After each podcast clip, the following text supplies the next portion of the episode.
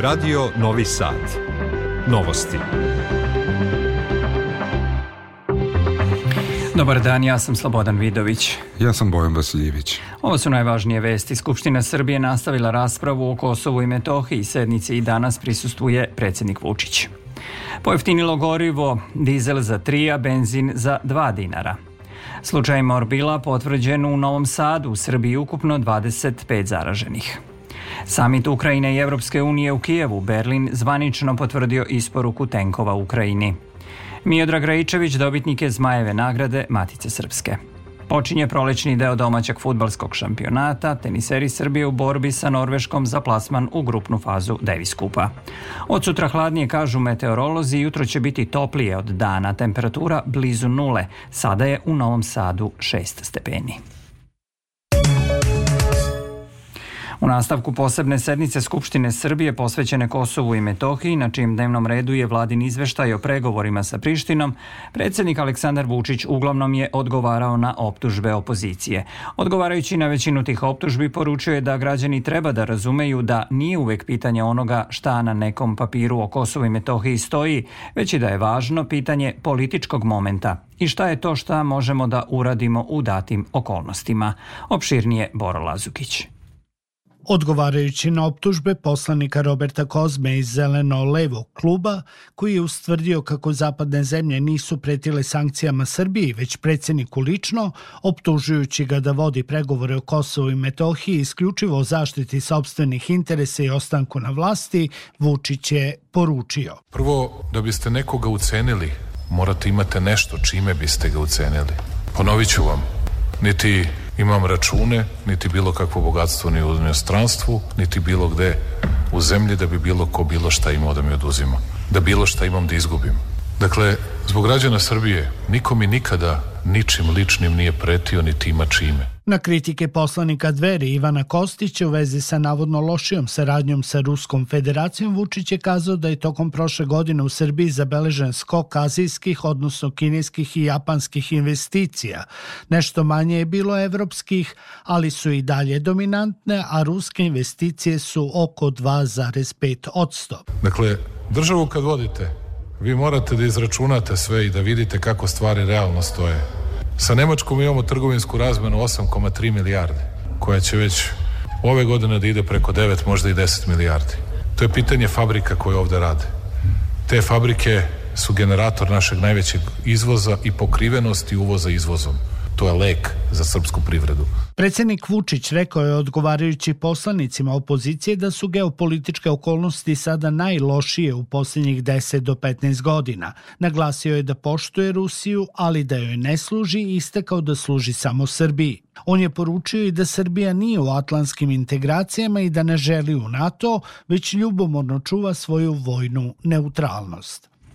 Prvo vanredno zasedanje Skupštine Srbije u 13. sazivu biće održano sutra, saopšteno je u Narodnoj skupštini. Na dnevnom redu biće 32 tačke, a poslanici će između ostalog raspravljati o izmenama zakona o organizaciji nadležnosti državnih organa za borbu protiv visokotehnološkog kriminala, o organizaciji nadležnosti državnih organa u postupku za ratne zločine. Na sednici će biti razmatrani i predlozi zakona o Visokom savetu tužilaštva, o Ustavnom sudu, o sudijama i o javnom tužilaštvu. Ministar spoljnih poslova Ivica Dačić završava trodnevnu posetu u Vašingtonu gde je prisustovao molitvenom doručku. Sastao se sa zvaničnicima State Departmenta, Derekom Šoleom i Gabrielom Escobarom, kongresmenima predstavnicima jevrejskih organizacija koje su veoma bitne na međunarodnoj sceni, kao i sa stranačkim institutima, demokratskim i republikanskim. Dačić je izjavio da Sjedinjene američke države pozdravljaju konstruktivan stav predsednika Vučića u dijalogu o Kosovu i Metohiji, kao i da sada, kako je naveo, svi postaju svesni da Albin Kurti ne želi formiranje zajednice srpskih opština. Mislim da smo posle dugo, dugo godina došli u situaciju da niko sada Beograd ne označava kao neku prepreku u razgovorima i u pregovorima, nego da su kritike usmerene pre svega ka Kurtiju. Kurtijevo ponašanje iz dana u dan, isticanje nekih razloga koji služe samo kao alibi da ne formira zajednicu srpskih opština i ja mislim već postao kronični faktor ugrožavanja mira i stabilnosti u čitavom regionu. Žitelji sela Dreni i drugih zaselaka kod Leposavića počeli su potpisivanje peticije kojem traže momentalnu obustavu radova na prilaznim putevima prema njihovim parcelama na kojima vlada u Prištini planira izgradnju baze za smeštaj pripadnika granične policije. Peticijom traži poništavanje odluke o eksproprijaciji njihovog zemljišta po odluci vlade u Prištini koja je poslednji akt o oduzimanju imovine vlasnika Srba na severu donela juče na elektronskoj sednici uprkos njihovom protestu. Me Meštani Drena i Leška na prilazu svojih imanja protestuju treći dan, a radovi na otvaranju novih i proširenju postojećih puteva obustavljeni su od juče ujutru. Kancelarija Evropske unije u Prištini saopštila je da Unija sa zabrinutošću prati šta se događa i apeluje na kosovsku vladu da poštoje proces i prava vlasnika imovine. Poznate su nove cene goriva koje će važiti do narednog petka. Litar evrodizela jeftinije za 3 dinara nego prošle sedmice i sada iznosi 197 dinara. Benzin je pojeftinio za 2 i košta 168 dinara. Uprko s povremenim poremećajima na globalnom tržištu, naše rafinerije kao i evropske dobro su snabdevene derivatima. O tome Vesna Balta. Maksimalno dozvoljene maloprodajne cene goriva koje određuje država zavise od kotacija dizela i benzina na Mediteranu, a na njih utiču i kurs dolara i zavisni troškovi uvoza koje sve naftne kompanije dostavljaju Ministarstvu energetike. Objašnjava za RTS generalni sekretar Udruženja naftnih kompanija Srbije Tomislav Mićović. Navodi da su kotacije stabilne, a da je čak u prethodnom periodu zabeležen i njihov pad. To je zanimljivo ovaj pad. Poslednjih nedelju dana je dosta pale kotacije dizela i benzina kao jedna epizoda zapravo zbog to toga što su zalihe dizela prevelike. Poslednjih mesec dana se uvozilo iz Rusije više nego ikada. Kao posledica nabildovanih zaliha, cela Evropa je zapravo vukla, zalihe, vukla koliko god može dizela iz Rusije u ovom periodu do 5. februara i samim tim će sad prosto neće biti potražnje. Sam nedostatak potražnje znači da cene, cene idu na dole. Zabrana uvoza ruske sirove nafte morskim putem na snazi je od 5. decembra, a od nedelje 5. februara stopira se i uvoz ruskih naftnih derivata. Evropa i Zapad ograničili su i cenu ruske nafte na 60 dolara, a Rusija zabranjuje izvoz nafte zemljama koje primene to ograničenje. Mićović navodi da se gomilaju različite prepreke koje moraju da se prevazilaze.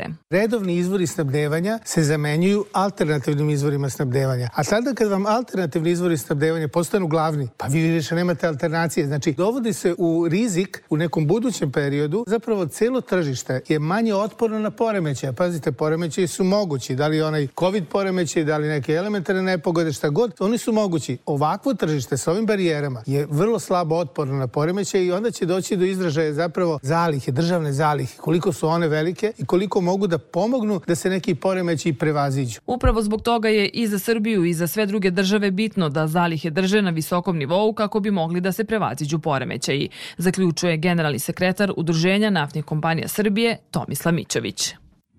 A više stotina proizvođača mleka iz Srbije protestovali su ispred Ministarstva poljoprivrede u Beogradu zbog niske otkupne cene mleka.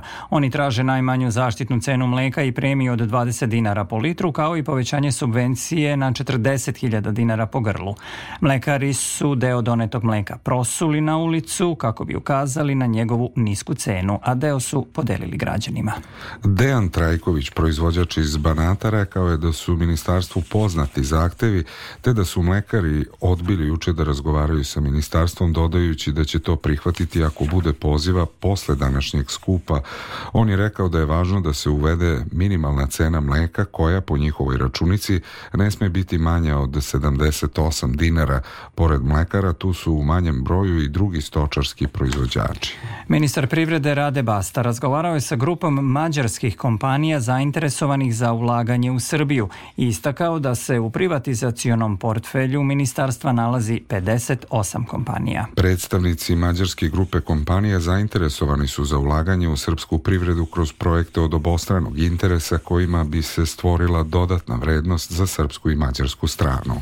Ovo su novosti Radio Novog Sada. Brisel mora da uradi svoj domaći zadatak kako bi osigurao da diversifikacija ne ostane samo san, izjavi ministar spoljnih poslova Mađarske Peter Sjarto u Azerbejdžanu. Na konferenciji o južnom gasnom koridoru i zelenoj energiji u Baku on je rekao da zajednica mora da ponudi podršku za poboljšanje infrastrukture u jugoistočnoj Evropi kako bi se garantovala energetska sigurnost. On je upozorio da postoje određeni infrastrukturni poslovi rokovi, pa čak i ako je povećanje kapaciteta e, transanadolskog gasovoda dobra vest, potreban je značajan razvoj mreže u jugoistočnoj Evropi. Devetom ministarskom sastanku Savetodavnog e, saveta Južnog gasnog koridora u Baku prisustuje Evropski komesar za energetiku Kadri Simpson kao i zvaničnici mnogih zemalja među kojima je i Srbija. Čelnici Evropske unije razgovaraju u Kijevu sa ukrajinskim predsednikom Volodimirom Zelenskim o podršci Kijevu u svetlo ruske invazije o ukrajinskom članstvu Evropskoj uniji kao i o novom paketu sankcija Rusiji. Predsednica Evropske komisije Ursula von der Leyen izjavila je da planiraju novi paket sankcija za Rusiju deseti od kako je počela ruska invazija na Ukrajinu 24. februara prošle godine. Visoki predstavnik Unije za spoljnu politiku Jose Borelj najavio je dodatnih 25 miliona evra podrške Ukrajini za deminiranje delova teritorije koje su oslobodile od ruskih snaga. Berlin je zvanično odobrio isporuku borbenih tenkova Leopard u Ukrajinu iz industrijskih zaliha. Portparol nemačke vlade odbio je da komentariše koliko će tenkova biti poslato. Zapadni saveznici Ukrajine požuruju Međunarodni monetarni fond da finalizira planove za program kreditiranja vredan više milijardi dolara prenosi Financial Times. Predstavnici MMF-a planiraju da se sre konkretno sa ukrajinskim zvaničnicima sredinom februara kako bi ubrzali razgovore o zajmu koji bi mogao da se kreće od 14 do 16 milijardi dolara, navodi se u izveštaju u kome se citiraju zvaničnici upoznati sa razgovorima. Osmoro migranata koji su krenuli iz Tunisa udavili su se ili umrli od gladi i hladnoće. 42 su spasena, a dvoje se vode kao nestali, pošto su spasioci sinoć pronašli njihov brodić u blizini italijanskog ostrva Lampeduse. Kako su saopštili spasioci i policija, svi migranti su bili promrzli i dehidrirali su, a oni su rekli da su prošle subote napustili Sfax u Tunisu nakon što su mesecima bili zatvoreni u jednoj kući u gradu Mahdiji. A nova spirala nasilja koja je zahvatila čitavu zapadnu obalu nikog nije iznenadila. Nepun mesec otkako je Izrael po prvi put u istoriji dobio ultradesničarsku vladu, ostvarila su se upozorenja palestinske uprave. Obnovljeni sukobi na zapadnoj obali postali su noćna mora i za međunarodnu zajednicu i za izraelskog premijera Benjamina Netanjahua, koji je u borbi za mandat učinio ogromne ustupke krajnjoj desnici. U narednim mesecima taj blisko istočni region ostaje aktivno geopolitičko ratište, pripremila Aleksandra Raković. Od početka godine u napadima u pojasu Gaze i na zapadnoj obali ubijeno je 35 Izraelaca i 150 Palestinaca, pa ipak reakcija međunarodne zajednice stigla je tek nakon masakra u Jerusalimu, bez jasnih osuda i bez novih predloga za prevazilaženje krize. Američki državni sekretar Anthony Blinken, koji je početkom sedmice posetio Izrael, ponovio je insistiranje Vašingtona na rešenju dve države, Izraela i Palestine. Netanjahu je međutim premijersko mesto kojim se štiti od ozbiljnih optužbi i suđenja za korupciju platio davanjem neviđenog udela u vlasti ultraortodoksnim saveznicima koji su obećali sve osim mira. Direktor Međunarodnog instituta za bliskoistočne i balkanske studije Bahtjar Aljav očekuje u narednim mesecima krah sadašnje izraelske politike, ali i Netanjahua, čije odluke analitičari vide kao političko samoubistvo. On samo da ne ide pred sud, on je spreman na sve. Sa tim doće do toga da stranka Likud da raspada. Znači Netanjahu neće biti. Izrael koliko toliko je demokratska država i ja mislim da ova situacija u Izraelu neće dugo trajati. Činjenica jeste da u ovom trenutku razvoj situacije zavisi od dve strane, Vašingtona i Moskve, koja i dalje ima snažan uticaj na bliskoistočne zemlje, objašnjava Bahtjar Aljav. Amerikanci nemaju šta nuti, Amerikanci su vrlo zauzeti sa ukrajinskom krizom, sa Kinom. E, ovde mnogo zavisi od Rusije, pošto Rusija ima to vrlo jak utjecaj, nikad nije imala jači kao što je danas. Danas oni imaju vrlo dobre odnose sa Emiratima, sa Saudijskom Arabijom, sa Egiptom. Ti tradicionalni američki saveznici danas su saveznici za Rusijom. Umeđu vremenu stasavaju nove militantne grupe palestinaca, veoma mladih i do zuba naoruženih, koji smatraju da su političari previše blagi. Oni su ti koji vladaju ulicama palestinskih regiona, dajući Netanjahovoj vladi argumente za nasilne akcije. Sanacija oštećenog dela zgrade Skupštine Vojvodine nastalog usled izgradnje javne garaže u neposrednoj blizini završena je za 12 dana, saopštila je preslužba pokrajinske vlade. Radove vredne više od 840.000 dinara finansirao je investitor izgradnje javne garaže. Izvedeno je čišćenje dilatacije i formiranje novih, uklanjanje maltera, obrade i bojenje zidova, ugradnje odgovarajućih lajsni popravka lifta. Biće nastavljeno praćenje stanja zgrade tokom radova na izgradnji garaže i biće preduzete mere na zaštiti objekta uz stručnu podršku Fakulteta tehničkih nauka, navodi se u saopštenju. U Novom Sadu je potvrđen slučaj morbila kod nevakcinisanog devetogodišnjeg deteta, saopštio Institut za javno zdravlje Srbije dr. Milan Jovanović Batut, čime je broj zaraženih u zemlji dostigao 25. Na teritoriji Smedereva registrovana su 24 slučaja. Obolela osoba u Novom Sadu bila je najpre hospitalizovana u Institutu za zdravstvenu zaštitu dece i omladine Vojvodine, odakle je zbog komplikacija osnovnog oboljenja upućena u Univerzitetsku dečiju kliniku Tiršova, koja je prijavila slučaj sumnje na morbile, navode u Batutu. Ovo su novosti prvog programa radija Radio Televizije Vojvodine. Miodrag Rajičević, 69 je dobitnik Zmajeve nagrade koju Matica Srpska dodeljuje za najbolju pesničku knjigu. Njegovu zmir, zbirku o stvarima koje je Homer propustio u izdanju Gramatika, žir je odabrao u konkurenciji od 50 knjiga. Nagrada će mu biti uručena na dan Matice Srpske 16. februara. Pojedinosti Tatjana Novčić-Matijević. U snažnoj konkurenciji izrazito kvalitetnih pesničkih knjiga o stvarima koje je Homer propustio, Miodraga Rajičevića nametnula se posebnošću teksta, kaže predsjednik žirija Jovan Delić. To je jedan predragocen i redak spoj onoga što je najgušća melaholija, osjećanje blizine smrti, smrti, prolaznosti, uspomena na drage ljude koji više nisu tu i njihove seni koje su prisutne. S jedne strane i jedan humor, neverovatan humor koji prati svaku pjesmu. U najužoj konkurenciji bile su i knjige Emsure Hamzić i Anđelka Anušića. Članovi žirija ocenili su da je srpska poezija još jednom pokazala vrhunski kvalitet, da se uz potvrđene autore pojavljuju i novi, potpuno suvereni glasovi, da je u najužem izboru uočena poetička zanimljivost, poezija sa izrazitom izbegličkom perspektivom, iskustveno, identitetski, autorski – Miodrag Uraičeviću Zmajeva nagrada biće uručena 16. ovog meseca na Dan Matice Srpske na svečanoj sednici na kojoj će tradicionalna beseda ovoga puta biti posvećena knezu Mihajlu iz ugla istorije umetnosti. U nastavku veste iz sporta, teniska reprezentacija Srbije danas i sutra u Oslu igra protiv selekcije Norveške meč za plasman u grupnu fazu finalnog turnira svetske grupe Davis Kupa. U 23. kolu košarkaške Evrolige Partizan od 19 časova gostuje litvanskom Žalgirisu iz Kaunasa. U prvom kolu prolećnog dela domaćeg futbolskog šampionata od 18 sati u Lazarevcu igraju Kolubara i radnik iz Surdulice. Ostale utakmice biće odigrane za vikend. Ovo su novosti. Vremenski uslovi i trenutne temperature ne pogoduju sušenju mesa. Kako kažu proizvođači suvomesnatih proizvoda u Sremu, povećana vlažnost vazduha i nedostatak mraza usporavaju sušenje, pa se ova sezona može oceniti kao loša. Beleži Aleksandar Krkobabić.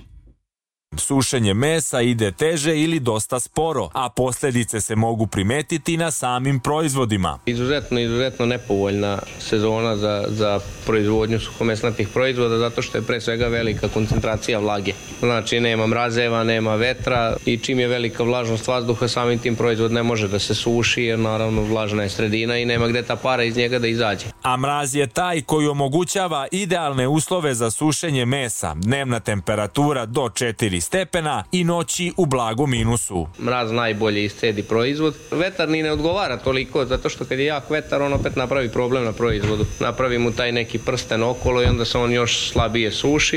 E, mraz bi najviše odgovarao, ali mraza nema i pojavljuju se te plesni na površini proizvoda. Samim tim, zbog nepovoljnih uslova, proizvodi kojima je vremenski potrebno do mesec dana za sušenje, sad će im taj rok biti produžen za minimum još mesec dana ako ne i dva, kako bi kvalitetno bili osušeni i spremni za konzumaciju. I još jedna vest. Mužjak Risa, zvani Rista, star između 5 i 7 godina, koji je polovinom novembra prošle godine nađen povređen, oporavio se i biće vraćen u svoje prirodno stanište na teritoriji Nacionalnog parka Đerdap. Biće markiran i opremljen GPS ogrlicom kojim će biti praćeno njegovo kretanje narednih godinu dana, a dobijeni podaci koristit će se pored ostalog za utvrđivanje veličine teritorije te jedinke. Ministarstvo zaštite životne sredine je upravljalo akcijom zbrinjavanja povređenog risa Marku je transportovan u Zološki vrt u Boru, gde mu je pružana potrebna veterinarska pomoć. Ris je strogo zaštićena divlja vrsta u Srbiji i područje Nacionalnog parka Đerdap nastanjuje između 10 i 12 jedinki.